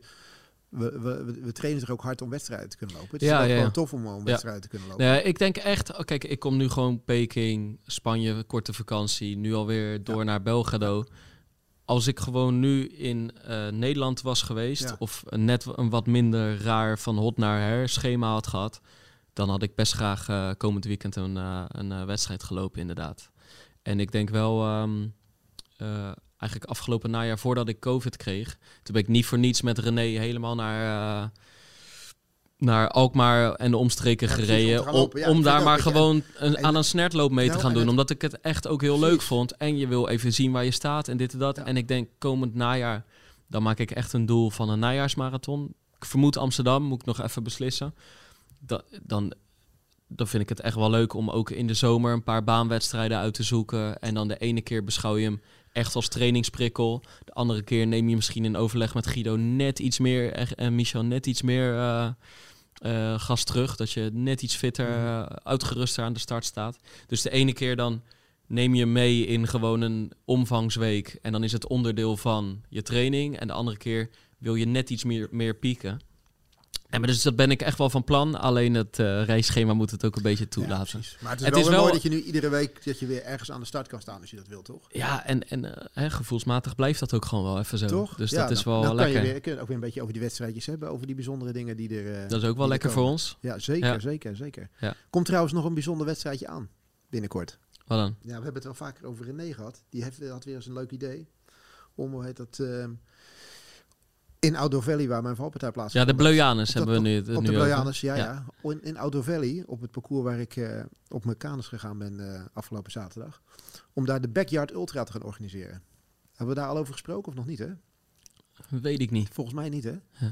Ben je bekend met het, eh, met, met de Backyard, backyard Ultra fenomeen? Nee. Hij gaat daar in begin mei gaat daar een wedstrijd organiseren. René Kuijs gaat daar zeker aan, zeker aan meedoen. Daarbij eh, ligt een parcours van 6 kilometer. Start 's middags om 4 uur. Ja, met die rondjes. Met die rondjes. Oh nee joh, hier hebben we het al, Hebben we het over gehad, ja, hebben we het al twee keer over gehad. Waar? Ja, ja, ja. Ongelooflijk. Met Robbie? Ja, ja, nee, wordt- zeker, ja. ja. oh, precies dat. Ja, Ja, die, kijk, dat vind ik wel een mooie die eraan gaat komen. Ja, ja. En dan Dus gewoon last man standing, hè? Last man standing. Ja. Ja, dat is een goeie. Die zitten aan te komen. Dus vind ik wel, eh, dat vind ik wel een goeie. Ja. En eh, Voor de mensen die willen weten wat het is, luister de aflevering met Robbie terug. Daar en was- ergens eh, zat met Robbie eh, Rolex, ergens daarin komt eh daar, zat, uitleg. daar zat hij in, hè? Daar zat hij in. Ja. Ja. Ja, ja. Hey, we- volgens mij, we hebben nu een uur. Jij moet zo door naar je werk. Maar Ja. zijn naam is gevallen. Elliot Kipchoge. Die willen we nog Ja. even meenemen. Want als jij de vierde tijd aller tijden loopt... terwijl je verkeerd bent gestuurd... dan ben je een hele grote. Dat is toch ongelooflijk. We, ik denk niet dat wij hier Elliot Kipchoge als een grote loper hoeven te bestempelen. Want dat was hij al. Dat was hij een paar jaar geleden al. ik vind het echt. Maar het is wel, kijk, ik bedoel, ik ben regelmatig verkeerd gestuurd in mijn leven. Maar dat zorgt er dan vervolgens voor dat je buiten het podium eindigt. Terwijl je soms de koploper Ja. bent geweest, weet je wel. maar laat, Maar hij wordt verkeerd gestuurd en hij loopt eh, weer gewoon in de 202. ja, maar ook verkeerd gestuurd worden in Japan.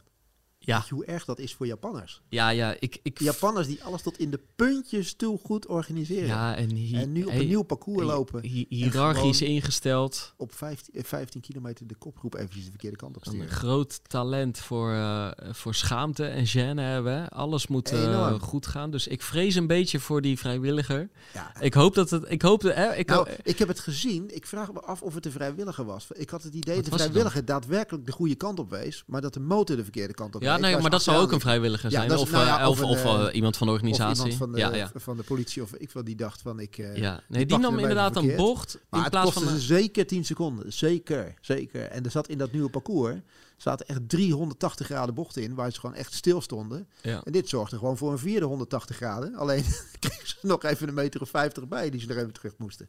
Maar Uiteindelijk Wat komt hij een- gewoon weer Ja, solo. wat en een het dat ogenschijnlijk met speelsgemak eh, Echt? die laatste honderden meters. het was echt alsof, het, alsof ik naar een kopie van Olympische Spelen zat te kijken. Met iets meer lopers eromheen. Maar Ja. hij, vanaf het begin nestelt hij zichzelf achter de hazen. Ja. Hij gaat erachter zitten. Hij verdwijnt er niet achter vandaan. En hij, hij past gewoon zijn beproefde tactiek toe. Na 30 kilometer geeft hij gas. Weet je, hij loopt gewoon heel strak tempo. Want ze liep echt gewoon een strak tempo. Gewoon 102, 20 of zo. In het begin Ja. zaten ze even een beetje, Ja. beetje tegen dat wereldrecord aan te schurken. Ja. Maar loopt op een gegeven moment gewoon een heel strak tempo. Je ziet de een na de ander er afvallen. En eh, op 30 kilometer denk je, nou, trek even door. Maak even, van- even van, eh van 1440, loop even naar 1425. En eh, ja, het hele zakje is los. En loopt gewoon de laatste 10 kilometer bijna gewoon solo naar de finish. En Ja. een klein lachje en een handje omhoog. Ja, 102 eh, of 20240. En Ja. bedankt en tot ziens. ja, ja. Ik vind, ik vind het echt ongelooflijk. Want er bestaat gewoon helemaal niemand die zo constant is. En, en Eén zit- keer, er zit één keer, sleet op één keer Ja, in en Londen, net wat minder, in raar weer. Voor de rest gewoon nooit. Nooit, nooit. Nooit. En degene die daar in Londen won, die jongen was er nu ook weer bij. Nee, die jongen die heeft daarna eigenlijk geen pepernoot meer, eh, Nee. meer gelopen. Helemaal niks. Viel nu Ja. ook weer vroegtijdig al. Ja. Nou, finishte, geloof, ik geloof die wel finishte, maar was ook, niet, eh, was ook uiteindelijk niet, eh, niet veel. Die man Nee, heeft zo stabiel is bizar. Maar dit is echt... Ja, ik, ik, eh, ik weet niet waar dit eindigt met deze man. Maar het, het, gaat, maar, het gaat maar door. Hij Ja. heeft nu aangekondigd dat hij al die World Marathon mee ja, dus hij heeft er nu vier, hè? Ja, dus ik heb... Boston ik- moet hij nog. En? Ja, ik dacht bij Boston en, eh, en New York moet hij nog. Maar Ja. ik, ik, dit ging Die- zo dus makkelijk. die dat ik dacht einde joh, van dit jaar gelijk even meepakken in april. Dus hij Kipchoge niet zal doen, einde van dit jaar in New York gaan dat- lopen. Dat, is bijna wel zeker. Ja. Ik denk dat hij. New York doet. Ik denk dat hij, niet, dat hij geen WK zal lopen. Nee. Ik denk ook niet dat hij dit jaar al Boston zal lopen. Maar het zal nu wel gewoon zijn New York en volgend voorjaar Boston. Dat, eh, Volgend voorjaar Ja. voor Boston. En hij wil door Ja. te Parijs. Dat hij daar voor de eerste, eh, eerste man op... Eerste man in de geschiedenis drie keer op rij Olympisch marathon goud. Eh, Nou, het zit ook snel. Hè. Het zit dus, ook, dus toch eigenlijk in verhouding een jaartje korter nu. ja. Zullen Ja. we ze vast even mailen in, eh, in New York en in Boston? Dat ze vast even, dat ze pas kunnen beginnen met graveren. ja. Dat dat gewoon Ja. eventjes eh even Ja, het podium klaar kunnen Zo zetten. leek het nu wel gewoon echt. Ja. Ja. dat is echt gewoon... Je dacht even van, nou, dat kan wel... Er is, is, nog, is nog een verrassende Ethiopiër, weet je wel, die nog meegaat. Maar bleek gewoon een Keniaan erbij te, erbij te zijn die, Ja. eh, die nog Ja. even meegetrokken wordt. Eigenlijk, eigenlijk hazen die hem gewoon eventjes naar 203. Ja. Dus die was ook, ook super, eh, super blij. Hij ook weer blij voor de jongens. Van, Ja. nou, goed, goed gedaan, weet Ja, je wel. ja, ja, ja. Tof, goede wedstrijd gelopen. Was 20 seconden eerder. ja. Maar eh, los daarvan nog even, toch even over die marathon. Dat daar even, ik heb even gekeken. 15 Japanners onder de 2 uur 9 finishten. ja. Er kwamen echt, er kwamen op een gegeven moment, er wa- waren er 22 in totaal onder de 2 9.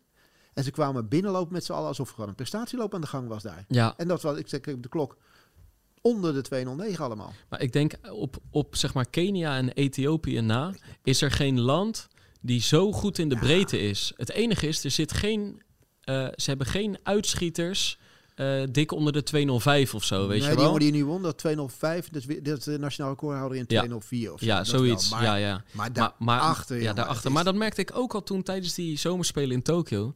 Dat land is gewoon ook een loopland. Ja, dus is- echt een rijke is loopcultuur. En je hebt natuurlijk de Ekiden en... eh, fantastisch. Ja, Maar als, als Björn een keer, als je een keer onder de 210 wil lopen. Ik zag ook eventjes in het begin. ja. Heb je de kopgroep heb je. En dan, eh, nou, dat was een mannetje of 8, 9. Weet je, vrij beperkte kopgroep. Ja. Met nog twee of drie hazen ervoor. Ja. En als wij in Rotterdam bijvoorbeeld een tweede groep hebben. Nou, is het ook een groepje van eh, drie hazen en 10 of eh, 12 Ja. lopers erbij. Ja. Daar liep gewoon serieus 60 man achter in de Ja, groep. ja, ja, goed hè. Ja, echt ja. gewoon een peloton. Gewoon, Ja, echt die ja. erachter zat. Gewoon echt een enorm peloton. En, en het is ook een mooi gezicht, want kijk, ik ben zelf ook een klein mannetje. Ja, Maar, maar vergeleken met die meeste Japanners die wij nu zeg maar 209 hebben zien lopen, heb ik nog relatief lange benen. Dus het zijn allemaal van, die- van Ja. die trippelpasjes. ja, maar En dan zo pop, goed, pop, pop. jongen. Het ziet er heel, heel goed uit. Ja. Heb je wel eens de uitslag gezien van het, eh, zeg maar, het, eh, Die trails het, toen. Het, NK halve het NK halve marathon in Japan, zeg maar. Dat, Ja, eh, daar, loopt, daar loopt gewoon 100 man onder de 1 uur 6. Ja, ja, ja, is goed hè. Ja, het is echt ongelooflijk gewoon. Ik vind het echt, echt bizar. En er werd trouwens bij de dames ook weer heel hard gelopen. Ja. Ja. Eh, daar won de Brigitte Koschij. Ja, ja, Ja. maar dat is ook een soort... Eh, twee mooie winnaars ja, dit jaar. Die begint ondertussen ook wel een soort van onaantastelijk te worden. Hè? Ja, onaantastbaar. Onaantastbaar. Ja. Ja, onaantastelijk. ja. Nee. Dat, is ander, dat is een heel andere... Ik weet niet, dat gaan we, nee. gaan we ook niet proberen. nee, nee, nee, nee, Nee. nee, nee. Maar... Hadden we hier bijna een MeToo'tje te pakken. Ik vond het wel... eh, ja, Erik. ja, ja, daar moeten we mee uitkijken. ja. Ja, nee, dit is wel een mannenbolwerk, hè, de Pacer. ja, toe. zeker. Dat merk je dan, hè? De cultuur die er binnen de pacer hangt. Ja. ja. Maar ehm, ja, ik heb er nog even van genoten. Ik heb hem 's morgens vroeg eventjes eh, even doorzitten, zo af en toe een beetje doorzitten spoelen, want het, ja, het was gewoon eigenlijk heel saai. Ja, nee, ik moet zeggen, behalve dat verkeerd sturen wat ik op Twitter voorbij zag Ja. komen en zijn laatste honderden meters, Ja. ook omdat jij Ja. die keurig op, eh, op de Run Today eh Insta plaatste, heb ik er niet veel van gezien, Nee. omdat de Nederlandse Nee. tijd was natuurlijk ook 1 uur 10 geloof ik. Nou, toen stond ik nog in de Boudewijn. Maar toen heb ik hem ook niet gekeken hoor. toen, toen was eh, van de guillotine waren we inmiddels een paar duveltjes, deliriums en eh, de dingetjes verder. Lekker man. Hey, trouwens, Maar- even daarover uh, over heet het, eh Gesproken. Ja. Wij hebben, dat moeten, vind ik, moet het toch even noemen. Wij hebben het poosje terug hebben het over de gele kanarie gehad. Ja, maar in de- ook in de aflevering met Robbie Rolex. Want t- dat ging natuurlijk over het verhaal wat hij eigenlijk eh, na de finish had gedaan. Ja. Ja. Ja. Gele Canarie, kroeg, langs het parcours. Krooswijk, hè? Krooswijk. Ja. En ehm, wij zijn gewoon eh, na afloop, gewoon geheel onverwacht, zijn we gewoon even beland met twee fantastische Nike shirts. Ja, ik heb hem nog niet gezien, van- Erik. met het logo, ja, maar ja, wij hebben elkaar ook amper gezien. Maar goed, ik heb jou natuurlijk wel Esje. van op de hoogte gebracht. Esje, natuurlijk. Ja, Ja, ja, ja. Dat, is, dat is mooi. Esje, maar mooi shirt. Ja, Werd gewoon eventjes, eh, door, eh, door Daan werd het eventjes eh, even gebracht. een van de barmannen daar. Ook een jongen van Pak, Ja, natuurlijk. ja. Dus, eh, hey, maar Gele Canarie, staat het logo erop? Of wat? mooi- een mooi logootje erop. Ja. ja, ja? echt mooi. Echt, maar echt mooi. Niet, niet gewoon, gewoon subtiel, weet je, niet heel groot, maar gewoon mooi subtiel, er, subtiel erop. Echt een shirt wat je gewoon echt met, met trots kan dragen. Ja, dat ga ik dan ook zeker doen. Ja, weet je, wij gaan, eh, wij gaan ons binnenkort er even laten fotograferen, lijkt mij. Ja, nee, laten we dat doen. Dat eventjes, eh, laat Ja. het even zien. Maar ik, vind dat wel, ik vond dat toch wel, eh, wel, at- wel attent dat dat eventjes... Nee, ja, heel wat. gebeurde. Ik had bijna gezegd, laten we dat als afbeelding voor deze aflevering doen. Maar is er een foto van de valpartij? Bestaat nee, nee, die? was in donker. Nee, nee. Die, Is er wel een foto van de Night Trail gemaakt? Ja, die is, er- ja, die is er wel. Ja? Ja, ja, ja, ja. Van jou ook? eh, Ja, van mij ook. Ja, Oké, nou dan doen we dat als we eh, eh, foto. Maar de gele kanarie komt ook nog was op nog gewoon in volle glorie was dat, zeg maar. Dat het allemaal nog goed uitzag. ja. Zonder littekens en al dat soort, soort zaken. Maar die is, ja, die is aanwezig, dus die kunnen we kunnen gebruiken. Het is een wat donkere foto, maar die kunnen we een beetje, een beetje oplichten. Ah, dat gaan we doen. Dat gaan we Dat doen. Ook niet helemaal, want dan is geen Night Trail natuurlijk Nee, meer. nee, nee. nee, nee. Maar, Maar, ik denk dat ehm, dat goed gaat komen. Niels, Niels die eigenlijk de illustratie al doet, die gaat vandaag op de wintersport, die is er niet. Oh. Maar Edwin is een hele goede vervanger. Denk Ja, ik. denk dat hij er wel die kan dat ook kan, eh, kan maken. Ja. dat het helemaal goed moet komen. Ja. Hey, en dan, we? ja, we, gaan eh, nu afronden. Ja, ja, want ik Maar- had namelijk, ik had met, met Annelotte, die eh, zei ik nog eventjes van, joh, hoe lang moet die duren, die podcast? Ja. Want dan weet je een klein beetje hoe het, ja, die zei eigenlijk ergens tussen een uur en een kwartier en anderhalf uur. Dus we zitten er redelijk tegenaan. Ja, hè? nog 3,5 minuut. Dat Zullen gaat we wel een paar lukken. minuten cadeau geven? 3,5 minuut, dan eh, maken we Anne Lotte blij. Ja, ja, dat is goed. En, eh, maar die, eh, wat ik nog wilde zeggen. ehm, kijk, we zijn er echt best wel af en toe uit geweest. ja, hè? dat vind ik wel. We zijn te lang weg Te geweest. lang voor ons gevoel. Ja, nou zaten we ook gewoon vaak niet tegenover elkaar. Maar dan met een krakkemikkige verbinding en Peking. En er, zat zeven uur tijdsverschil tussen. En eh één keer, één keer, kijk, ik was blij dat de loopband er stond. Maar je beleeft toch het hardlopen net Op iets minder passievol dan... eh, ja, net iets minder als een liefhebber moet ik. Ik ben echt blij dat hij er stond. Echt, echt blij. Maar je bent, hè, als er dan zo'n loop hier van afgelopen zaterdag... dan ben je wel even groots aan het genieten. Zeker in vergelijking met toen. Maar we gaan nu echt de draad oppakken. Ja, Eh, gewoon echt, we hebben een lijstje gemaakt met onderwerpen. Volgende week dinsdag zitten we ook alweer tegenover elkaar. Dus ehm, de regelmaat komt terug. De wedstrijdkalender wo- wordt eh, alsmaar vuller, voller. Er staan eh, mooie, mooie wedstrijden op. Dus iedereen gaat weer eh, kunnen genieten van en onze podcast... en van het, eh, van het lopen eh, met een startschot. En we kunnen ook niet onder de Rotterdam Marathon uit, die over een maandje weer eh, gelopen gaat worden natuurlijk. Zeker. De voorjaarsmarathon. We hadden eigenlijk ook iets met de CPC willen doen... maar die staat helaas Staat niet er op de. Ik kalender. naar september geschoven. Ik vind Ja. het eigenlijk wel oké. Zo, zo, zo'n goede halve marathon in het najaar er nog eventjes eh, even bij. Ja. Dus dat geeft ons ook nog een klein beetje ruimte. En eh, we moeten binnenkort ook weer zo'n updateje doen met Abdi, hè? Ook Want de beide Abdi's in Rotterdam. zijn in volle glorie te aanschouwen Ja, natuurlijk ja. in Rotterdam. Hè? Ja, want kijk, vorig jaar was het natuurlijk één maand met Eindhoven Amsterdam en Rotterdam. Bij elkaar. Ehm, maar nu ga je, ja, in die volgorde ook. Nu ga je in dit voorjaar, denk ik, ja, Leiden. Staat er nog op? Nou ja, die zal dan- die Staat zal er Utrecht erop of niet? Nee, Utrecht is er ook uit. Oké, Utrecht is er ook uit. dus, dus de, de, de, van de iets bekendere marathons gaan we Rotterdam en Leiden Enschede krijgen. nog, denk ik. Oh ja, Die, zouden, die zal er denk ik ook wel op staan. ja de oudste van, eh, van Nederland. Ja, mogen we nooit vergeten eigenlijk. Hè? Ja, Dat is een belangrijke. Ja. Is eh, bij Is deze bedoeld. marathon. Goede marathon, ja, ja, ja. Dus er zit, eh, er zit genoeg aan te komen. ja. Er worden weer wat lokale wedstrijdjes gelopen. komen weer mooie ervaringjes. Misschien een valpartijtje links, rechts. Maar allerlei dingen kunnen er, eh, kunnen er ontstaan. Ja. Dus, eh, Hey, ik, ik, ga, ik, ik fiets zo naar huis. Het is nu, hoe laat is het? vroeg, man. 9 over 9. We hebben er gewoon al een uur en tien minuten op zitten. Ja, ja, ja, het is vreselijk. Ongelooflijk. En eh, ik ga zo lopen en ik ga vanavond lopen. Dus dit is weer voor het eerst ook in vijf, zes weken dat dag, ik twee eh, keer op een de dag... serieuze eh, draad op, eh, ja. oppakken. ja, ja. goed. Nu 40 Doe je minuutjes, vanavond naar Ja. pak. En dan staan er... Ja, ik vond het een beetje gegogel met allemaal afstanden. Maar goed, eh Ja. 6 keer 400, 3 keer 600, 3 keer 600, 2 keer 200. Met steeds binnen de serie 200 meter dribbel. En dan 400 meter tussen de serie als seriepauze. Ja, van mij mag het altijd net iets overzichtelijker hoor. Maar goed. echt dat ik, hem niet, dat ik hem niet helemaal heb opgeslagen? Nee, ja, nee, joh, ik heb hem. eh, dat ik hem nu op de juiste, correcte wijze zeg, eh, komt omdat ik er een paar keer met een soort vergrootglas naar heb gekeken van hoe het nou precies zit. Maar goed, uiteindelijk, als je uitzoomt, zijn 400'tjes, 600'tjes en 200'tjes. precies. En als je het Gewoon wat echt, als je- Als je snelheidswerk. het echt een beetje wil gaan doen met dit soort schema's, ga je gewoon eventjes, eh, even met die bij de jongens even langs. Hè, bij, eh hoe heet die? Guido en Michel. Die kunnen dat allemaal prima uitleggen, zo, die, Ja, die nou, 400'tjes en die Ja, ze, 600'tjes. ze, hebben, ze hebben erbij gezegd van, van 5 naar 3 kilometer tempo. Dus ik ga ze een beetje progressief lopen. Ga je alleen of ga je met, met Nee, nee, heel pak. Oh, Oké. Ja, ja, heel pak. Dus eh Mooi, dat is top. Dus dit was een paktraining. Ja. En die heb ik aan Guido en Michel voorgelegd. En zeiden prima, maar doe 's ochtends ook nog even 40. Ja, kijk, Dus nou, dan is mijn Ja, dag ja, weer gevuld, hè? hey, dan is mijn dag weer gevuld. Ja, Dan, is die, eh, dan is die helemaal gevuld, Ja. inderdaad. Nou, mooi man. ja. Ik Hey, ga naar de winkel toe. Wij gaan, eh, jij gaat naar de winkel toe. Ik kom van de week even dat shirt van de Gele Canarie ophalen. Zeker, ligt klaar. En eh, los daarvan zien we elkaar met microfoons weer volgende week. Ja. En eh, tot die tijd, blijf lopen, blijf luisteren. Val niet en tot de volgende Pacer. Luister ook naar onze podcast Politiek Dichtbij. In een half uur praten we hierbij over de stand van zaken op het Binnenhof. En niet alleen vanuit de wandelgangen in Den Haag, maar ook vanuit een regionaal perspectief. We zijn te vinden in onze app, op Apple Podcast en op Spotify. En wie zijn wij dan? Wij zijn Leonard Beekman en Tobias den Hartog. Q-Music's Wanted. Wanted, Domine. Blijf Domine verschuren 100 uur lang uit de handen van Bram Krikken? Voorspel en maak kans op 10.000 euro. Volg het vanaf 13 mei bij Q-Music.